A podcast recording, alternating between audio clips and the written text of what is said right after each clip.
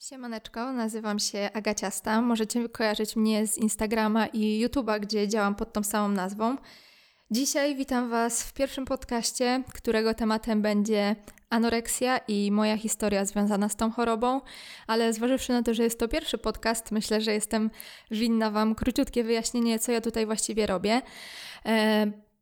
Sytuacja wygląda następująco, że ja próbowałam te treści związane z zaburzeniami odżywiania poruszać na YouTubie, ale YouTube jest e, no, nakierowany na jakby taką politykę, która nie sprzyja tego typu tematom, trudnym tematom.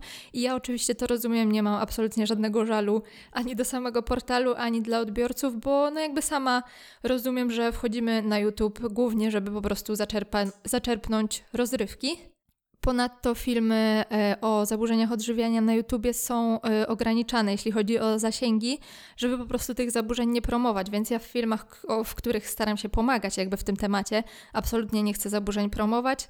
No mimo wszystko dostawałam po dubsku od YouTuba, no ale tak jak mówię, ja to wszystko rozumiem. Z tym, że tych próśb o poruszanie tego tematu, o jakąś taką chęć pomocy, chęć dzielenia się tą historią, opowiadanie o tym, e, no wiadomości z prośbami dostawałam naprawdę dziesiątki tygodniowo i ja wiem, że ten temat jest niezwykle aktualny, że ten temat jest niezwykle trudny, ale też niezwykle potrzebny, żeby po prostu o tym mówić, bo nawet jeśli ja Wam nie pomogę, i na pewno to się jakby nie stanie, tak wiecie, bezpośrednio, bo ja nie jestem psychologiem, więc ja nie chcę e, wchodzić w kompetencje lekarzy, psychoterapeutów, psychologów, ale chcę Wam dać to poczucie, że nie jesteście z tym wszystkim sami. I to poczucie takie od kuchni, że ja też przez to wszystko przechodziłam, że ja Was rozumiem. I oczywiście każdy przypadek jest zupełnie inny, ale myślę, że łatwiej jest po prostu walczyć z tą chorobą, walczyć e, z tym całym głównym, które jest w naszej głowie, z tą całą bezradnością, bezsilnością, wiedząc, że ktoś też czuje to samo, że ktoś też ma te trudności, te same problemy, ale jednocześnie, że ten ktoś po 8 latach walki z zaburzeniami odżywiania na ten moment jest szczęśliwy, jest wolny, jest wolny przede wszystkim od tej obsesji, od tych obsesyjnych myśli na temat e, nie tylko jedzenia, ale i sylwetki, postrzegania siebie w świecie, wśród e, wśród znajomych, wśród chłopaka właśnie płci przeciwnej, bo to oczywiście zaburzenia odżywiania nie dotyczą wyłącznie kobiet czy dziewczyn, ale również chłopaków. No i zważywszy na to, że mam świadomość, jak potężny jest ten problem, uważam, że nie można go przemilczać. I w dobie naszego dostępu do, do wszelkich mediów i do wszelkich mediów społecznościowych, no myślę, że nie chcę mówić, że to jest mój obowiązek, bo oczywiście nikt takiego obowiązku na mnie nie zrzucił, y, ale czuję po prostu taką potrzebę, bo po tym jak dostałam, e, no myślę, że od początku, od kiedy powiedziałam o tych zaburzeniach publicznie, a było to już dwa lata temu, kiedy na kanale Kai Dźwigaj Dziewczyno e, odważyłam się po prostu o tym wszystkim opowiedzieć, od tamtego momentu nie ma dnia, żeby ktoś nie pisał do mnie, e, że ma taki problem, czy jestem w stanie mu pomóc, albo po prostu właśnie z podziękowaniami. I to ja Wam dziękuję.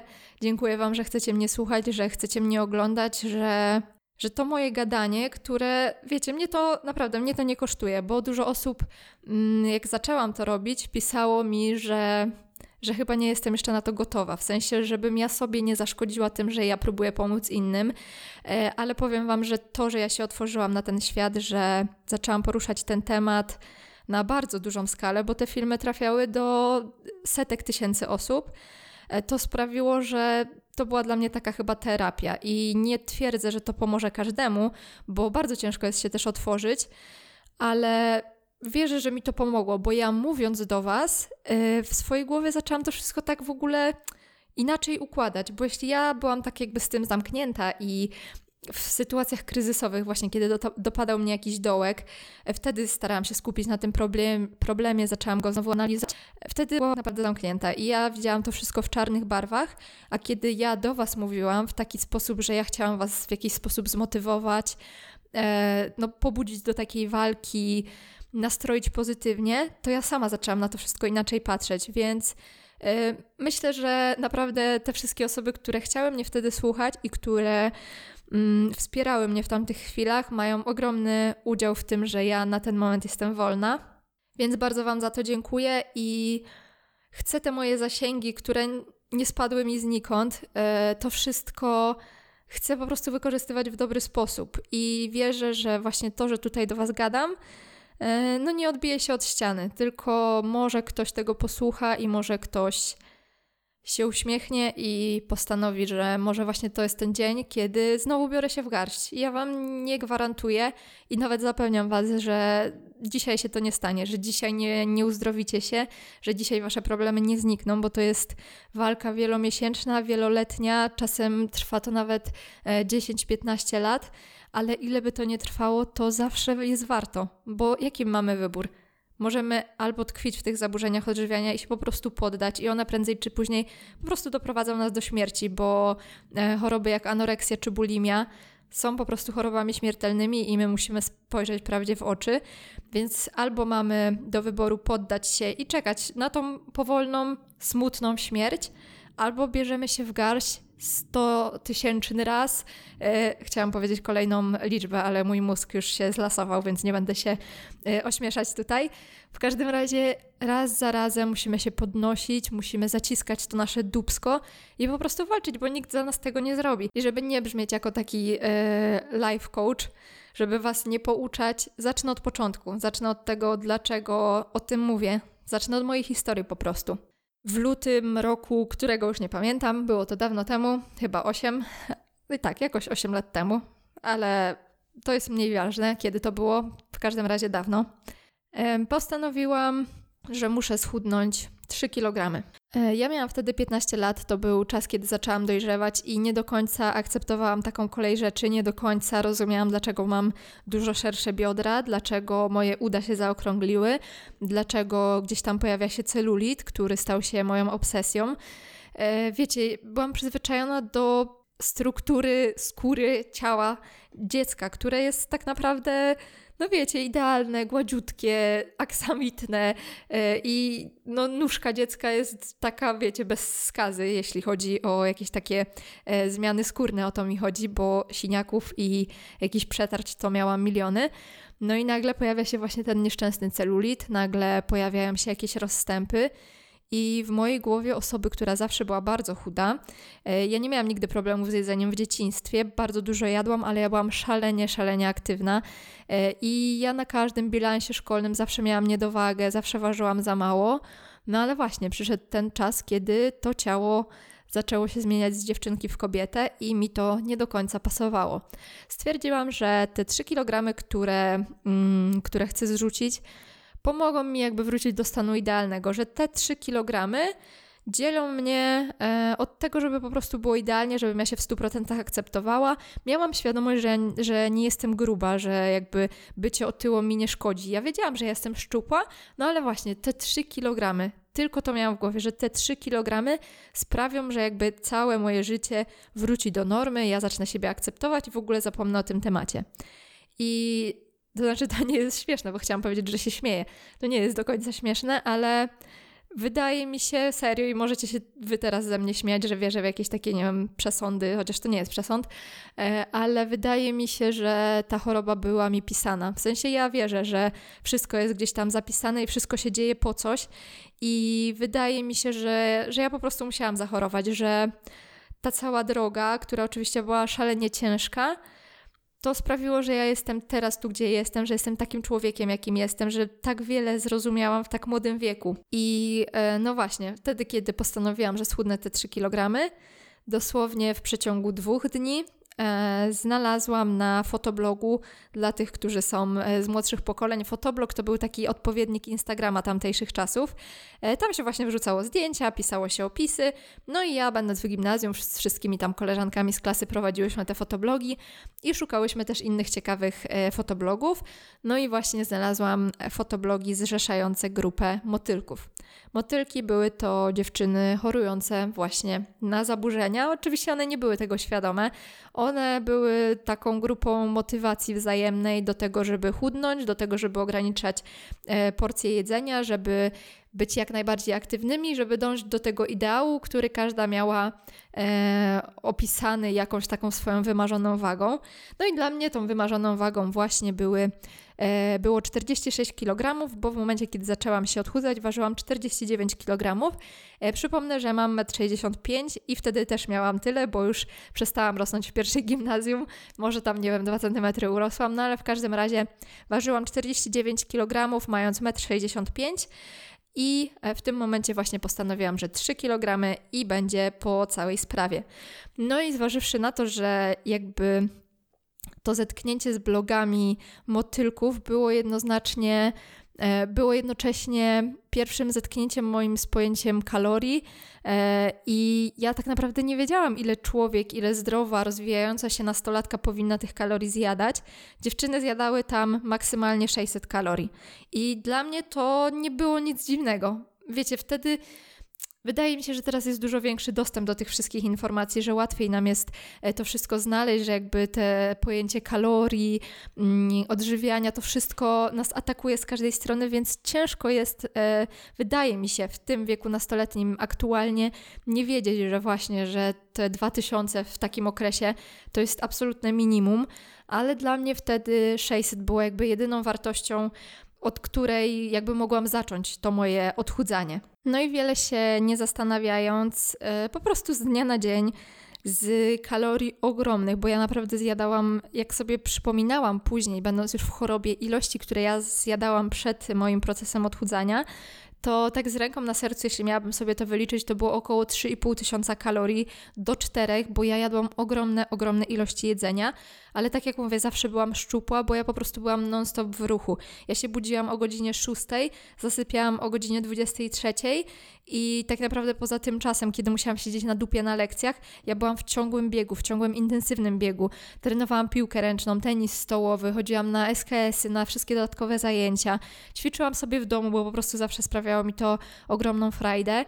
No i właśnie, z dnia na dzień ograniczyłam swoje kalorie do kalorii około 500. To się też zmieniało, wiadomo, każdy dzień był troszkę inny.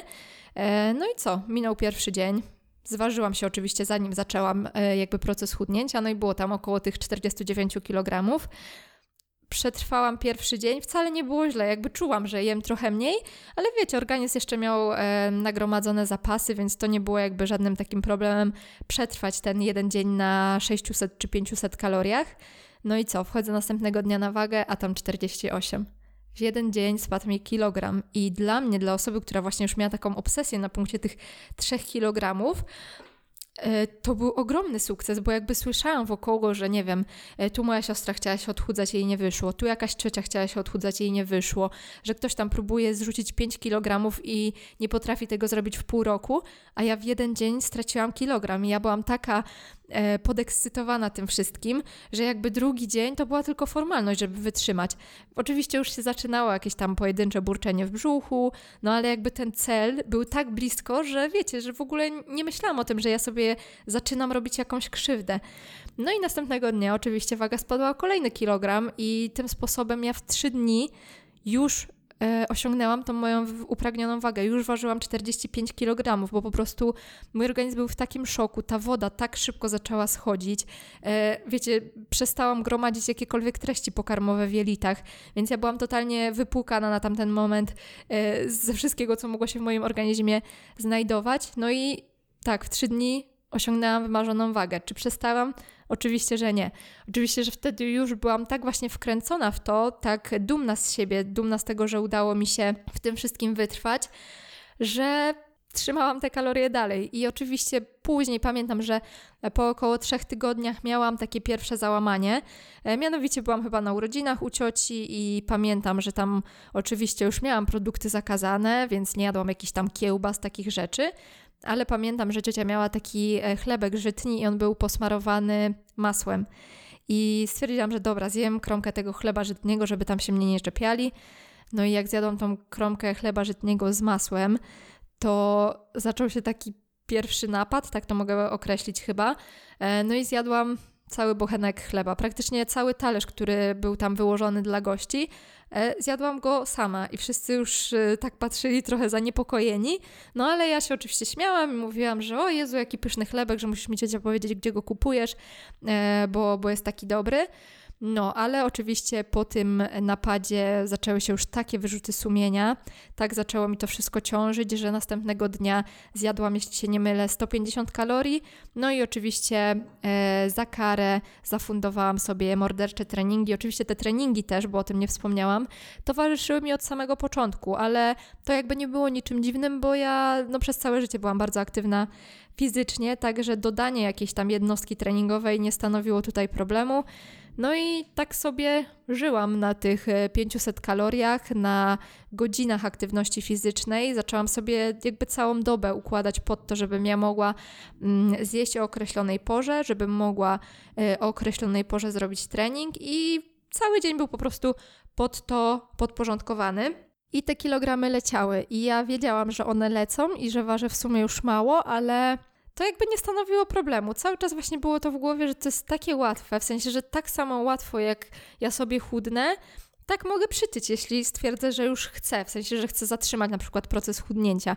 I jakby to cały czas miałam w głowie, że ekscytował mnie ten proces, to stawianie sobie coraz wyżej poprzeczki, e, to bycie coraz lepszą, wiecie, pisanie coraz lepszych raportów na fotoblogu, czytanie coraz bardziej pochlebnych komentarzy od innych dziewczyn.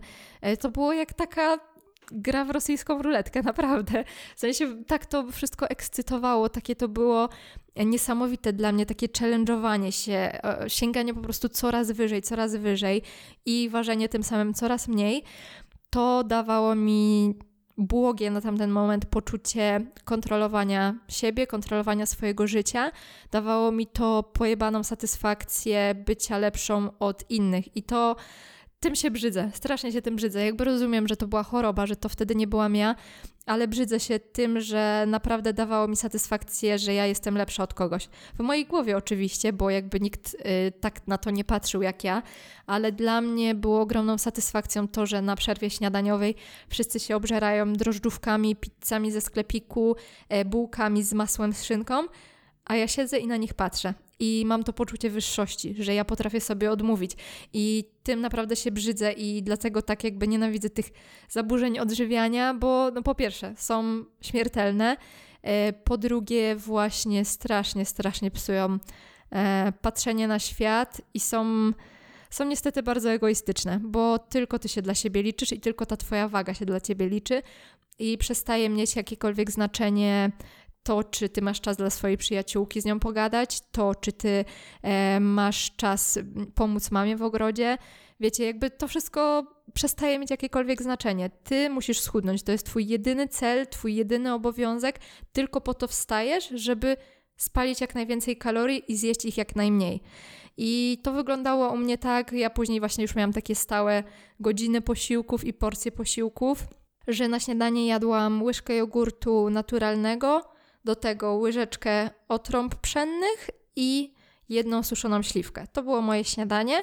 E, po śniadaniu szłam do szkoły tam na 6-8 godzin, w zależności od planu zajęć. W szkole albo jadłam e, jedną trzecią ogórka zielonego, albo nie jadłam nic. To jakby zależało od dnia, od tego, ile jestem w stanie spalić, czy jestem w stanie właśnie spalić te kalorie e, z tego zielonego ogórka. Było to, było to około 2 kalorii.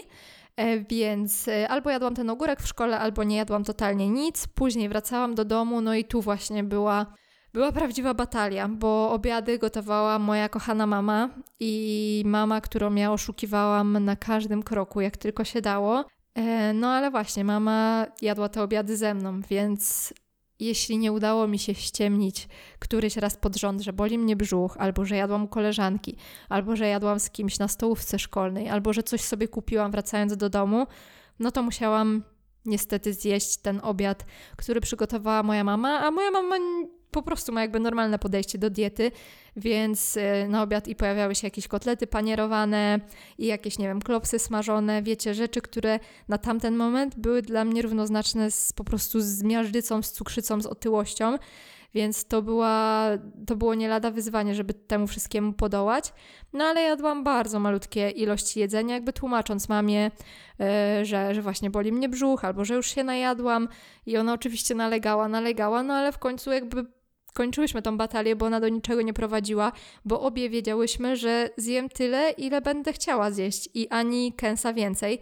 E, musiałaby mnie chyba po prostu siłą do tego zmuszać, a oczywiście nie chciała tego robić, bo mama też wtedy jeszcze nie była świadoma tego, jak to jest poważna sprawa. No i w zależności od tego, jak bardzo kaloryczny był obiad, pod to dopasowałam sobie e, kolację i właśnie w zależności od obiadu na kolację jadłam albo jedno jajko, albo jadłam na przykład trzy rzodkiewki, czasem zjadałam pół jabłka, e, no były to tego typu właśnie porcje, no także naprawdę praktycznie każde, wszystkie kalorie z dnia gdzieś tam lokowałam w tym obiedzie. No i cóż, no i leciały tygodnie. Ja byłam coraz chudsza, coraz więcej rzeczy jakby przestawało mieć dla mnie jakiekolwiek znaczenie, ale ja na tamten moment naprawdę nie widziałam tego. Dla mnie, dla mnie moje życie było tylko w mojej głowie i wszystko to jakoś tak się toczyło po prostu poza moją świadomością. Wszystko po prostu leciało, ale mnie to nie dotyczyło. Ja miałam siebie, miałam swoją e, obsesję na punkcie wagi, miałam swój fotoblog i, i to był jedyny jakby sens mojego życia. E, no i nadszedł kwiecień, połowa kwietnia. E, na WF-ie dostałam piłką w głowę i zważywszy na to, że mój organizm był wycieńczony, no to niewiele potrzebował do tego, żeby po prostu go odcięło. Straciłam przytomność, e, musieli mnie tam troszkę pobudzać na tym, na tym WF-ie. No i wezwali oczywiście moją mamę do szkoły, żeby mnie odebrała. Ja już oczywiście szybko e, tą świadomość, e, świadomość została mi przywrócona, że tak powiem. Ogarnęłam, że, że to się stało, mama przyjechała, ja już byłam jakby mm, w miarę przytomna, no ale lekarka poprosiła, e, przepraszam, nie lekarka, tylko nauczycielka, poprosiła moją mamę e, na rozmowę. I ja z tego miejsca bardzo dziękuję pani Agnieszce, która uczyła mnie matematyki, informatyki i techniki i która tak naprawdę wydaje mi się, że mogła uratować mi życie, bo ona pierwsza miała odwagę interweniować. Powiedziała mojej mamie, że ze mną dzieje się coś bardzo złego, że wszyscy nauczyciele to widzą, ale są bezradni, że oni, oni nie wiedzą, co oni mają ze mną robić, że jakby nie mogą mnie też przymusowo wysłać do psychologa, że psycholog przychodził do całej klasy mówić jakby o, wiecie, o problemie zaburzeń, ale ja totalnie nie domyślałam się, że to jest kierowane do mnie, bo ja w mojej głowie byłam, cały czas byłam po prostu zdrowa i no naprawdę to jest wręcz, wręcz komiczne, że ten mózg był jakby zalepiony, że on nie chciał w ogóle przyjąć mm, do swojej świadomości, że że jest taki problem i że tak naprawdę świat to widzi i że to, że ja nie mam nad tym kontroli i że wszyscy o tym wiedzą, tylko nie ja. No i e, właśnie pani Agnieszka powiedziała mojej mamie, że ona ma mm, kontakt do poradni psychologicznej i że da mojej mamie ten kontakt i ona bardzo prosi, żeby mama zadzwoniła tam, umówiła się na wizytę, bo mi trzeba pomóc, a nikt mi nie pomoże, jeśli specjalista tego nie zrobi, bo no jakby oni jako nauczyciele i jak się domyślali, moi rodzice byli bezradni wobec, wobec tego problemu, który no był już bardzo poważny, tak? No bo to omdlenie, e, to, że jakby wszyscy widzieli, że ja, ja jestem trupem, chodzącym trupem po korytarzu, ja się snułam, a nie chodziłam.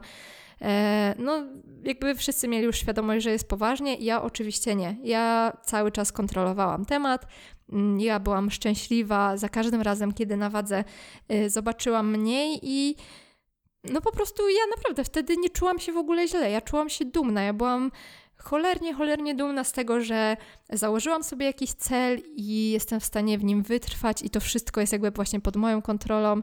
E, no i to jest jakby, jakby ogromny sukces i i to nie jest żadnym problemem. I to wszystko, co się dzieje właśnie poza chorobą, to jest niefajne, bo nie zawsze właśnie miałam e, kontrolę nad tym, że nie wiem, dostałam czwórę z geografii, a chciałam piątkę.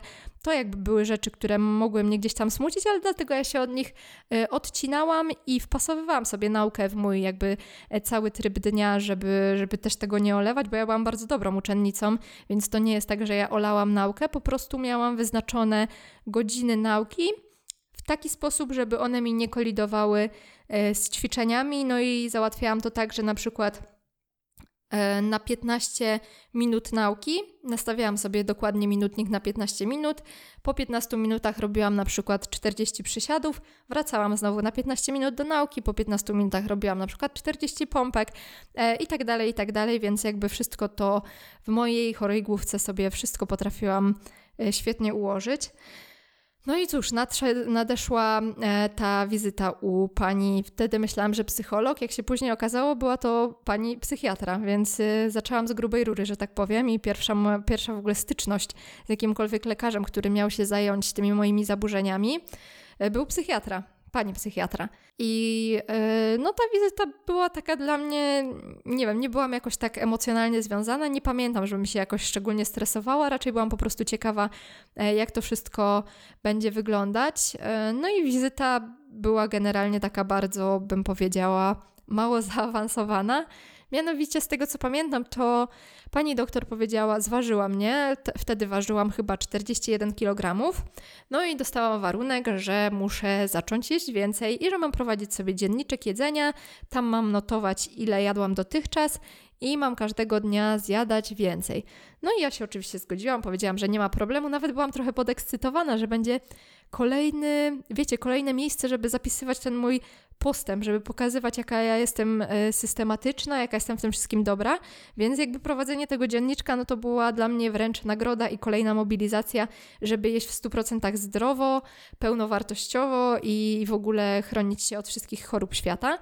Mm, no i tak się też stało i mama już wtedy jakby świadoma problemu, w sensie my dalej nie zostałyśmy, w sensie ja nie zostałam zdiagnozowana jako anorektyczka, e, więc dalej ani ja, ani moja mama nie miałyśmy świadomości, że problem jest na tyle poważny, ale no moja mama już jakby widziała ten problem. No samo, sama wizyta już u psychiatry no o czym świadczy, więc moja mama już troszkę zaczęła być e, bardziej czujna, no i porozmawiałyśmy, E, powiedziała, czy na pewno będę ten dziennik prowadzić, że ona mnie będzie sprawdzać. No i ja jej jakby zapewniłam, że nie ma problemu, że będę jadła więcej, że nie musi mnie pilnować, bo jakby dla mnie to nie jest żaden problem, no ale oczywiście nie ma, nie ma jakby e, kłopotu z tym, żebym ja jej to pokazywała. No i e, kolejna absurdalna rzecz. Naprawdę byłam święcie przekonana, że ja jestem w stanie jeść więcej i że ja będę jadła więcej. Wyszłam z tego gabinetu, obiecując i pani doktor, i mojej mamie, że dobrze, od dzisiaj będę jadła więcej. No i tak też się stało i do tej mojej żywieniowej racji, do tej stałej normy żywienia dodałam sobie, uwaga, uwaga, jedną trzecią marchewki dziennie. I w mojej głowie była to ilość, która właśnie miała sprawić, że ja zacznę zdrowieć i wszyscy dadzą mi spokój i w ogóle będzie super. E, no, więc to myślę pokazuje, jak bardzo w czarnej dupie byłam na tamten moment. I nie minęło wiele czasu od tamtej wizyty, jak sprawy zaczęły przybierać takiego tempa, nabierać takiego tempa, to wszystko zaczęło się tak rozwijać, e, że w maju tego samego roku, e, którego się zaczęłam odchudzać, ja się zaczęłam odchudzać w lutym, a pierwszy raz do szpitala na hospitalizację z diagnozą anoreksja trafiłam w maju bardzo dziękuję Wam za uwagę, za to, że chcieliście mnie wysłuchać i mam nadzieję, że widzimy się tutaj e, w kolejnej części mojej gadaniny.